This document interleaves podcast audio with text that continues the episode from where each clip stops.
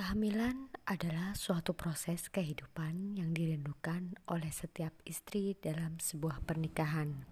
Sebagian perempuan diberi kemudahan oleh Allah sehingga cepat hamil. Sebagian yang lain, Allah beri ujian, harus menunggu dan berjuang untuk hamil. Semua itu karena Allah sayang, sebagaimana para nabi juga ada yang diuji kehidupannya untuk memiliki keturunan. Buku ini berkisah perjuangan para muslimah untuk kehamilannya. Semoga menginspirasi dan memberi kekuatan bagi yang sedang menunggu kehadiran sang buah hati. Penulisnya dari berbagai profesi loh, baik ibu rumah tangga, dosen, ustazah, blogger, pembisnis online, youtuber, asis, ASN, crafter, wirausaha, dan semua yang memiliki hati yang sama, perasaan yang sama, ingin mengalami kehamilan yang sehat, melahirkan generasi robani yang dirindukan Allah.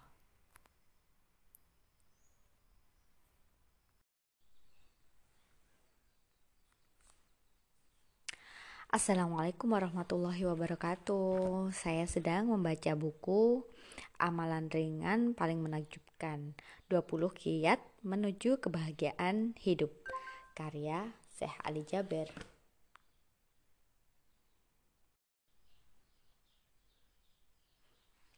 Uh, pada kesempatan kali ini saya akan membacakan bab paling terakhir yang saya sudah baca dan luar biasa banget.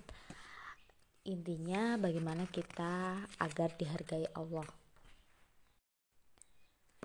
Uh, langsung saja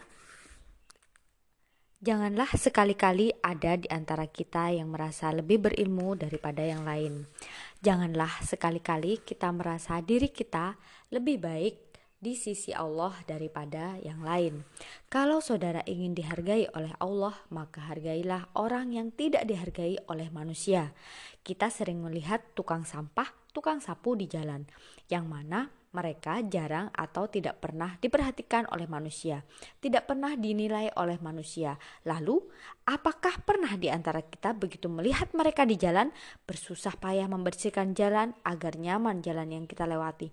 Apakah pernah kita berhenti untuk memberikan sarapan pagi sambil menebarkan senyum supaya Allah Subhanahu wa taala menilai kita sebagai orang berharga? Hargailah orang yang tidak pernah diperhatikan oleh manusia. Cobalah sekali saja saya minta, ketika kita melewati jalan lalu melihat tukang sapu misalnya, kita berhenti sebentar, tanyakan keadaannya. Assalamualaikum Pak, bagaimana keadaan Bapak? Berikanlah senyuman. Kita lihat mukanya saja sudah kasihan. Suatu saat saya pernah berhenti melihat tukang sapu jalanan. Saya tanya, "Bagaimana kabarnya, Pak?" Bapak itu menjawab, "Biasa-biasa saja, biasa-biasa saja." Kemudian saya pun memberi sebungkus makanan untuk sarapan pagi. Dia kaget, lalu ia bilang ke saya, "Sudah lebih dari 18 tahun saya membersihkan jalan di Jakarta, tapi nggak pernah ada orang yang mau berhenti untuk salaman sama saya, apalagi memberi makanan." Subhanallah. Padahal 85% penduduk Jakarta adalah muslim. Kalau saudara ingin dihargai Allah, hargailah orang yang tidak ada nilainya dalam pandangan manusia. Kalau kita menghargai seorang pejabat, pasti ada saja di terbersit di dalam hati kita. Besok-besok minta job atau proyek ke dia saja kalau begitu. Tapi kalau kita datang ke tukang sapu, kita mau minta apa? Padahal bisa jadi orang yang lemah seperti tukang sapu tersebut jika ia meminta mengangkat tangan berdoa kepada Allah, doanya lebih terkabul daripada kita. Apakah mengerti maksud saya? Jangan saudara berpikir bahwa berbuat baik itu hanya untuk anak yatim dan orang-orang miskin saja. Saya ingin bercerita bahwasanya kami memiliki masjid di Madinah. Masjidnya tidak jauh dari Masjid Nabawi, kira-kira 2 km lebih. Masjid kami termasuk salah satu masjid di kota Madinah. Selain Masjid Nabawi yang mengadakan acara buka puasa di setiap waktu-waktu berpuasa, baik hari Arafah, puasa Senin Kamis, puasa pertengahan bulan Hijriah, puasa di bulan Muharram, 10 hari di bulan Zulhijjah, dan tentu saja bulan Ramadan. Sampai-sampai masjid kami alhamdulillah dikenal oleh semua orang miskin yang ada di Madinah. 80% yang datang untuk makan dan berbuka puasa di sana adalah tukang sapu, tukang bersih-bersih di jalan. Setelah berbuka puasa dan sholat maghrib, mereka masing-masing pulang dengan membawa makanan. Subhanallah, itulah perjuangan ayah saya. Sejak kami kecil di masjid ini, hampir lebih dari 30 tahun kami per tidak pernah mengambil panitia dari luar keluarga. Yang menjadi panitia adalah kami semua. Ayah saya punya anak 12. Jadi masing-masing punya tugas. Ada yang tugasnya membersihkan dan menyiapkan masjid, ada yang tugasnya menyiapkan makanan, ada yang bertugas muadzin, ada yang bertugas melayani tamu dan masing-masing memiliki tugas.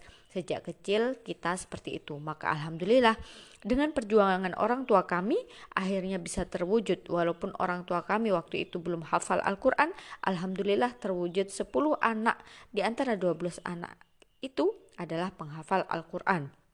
Ayah saya pun kalau ditanya siapa gurunya, dia akan menjawab anaknya.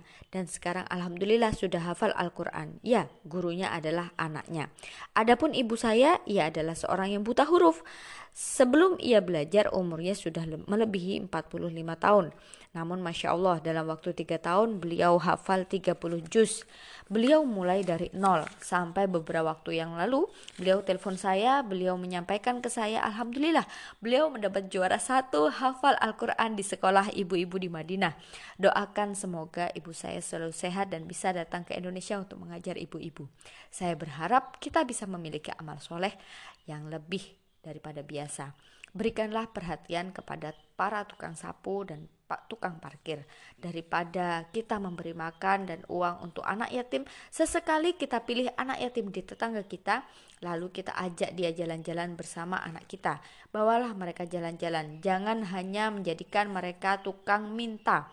Kita hanya sebatas memberikan dia makan, makanan, atau uang dia hanya sebagai penerima, tapi berikanlah dia sebuah kebanggaan sehingga ia juga bisa merasa sebagai anak kita yang diajak jalan-jalan.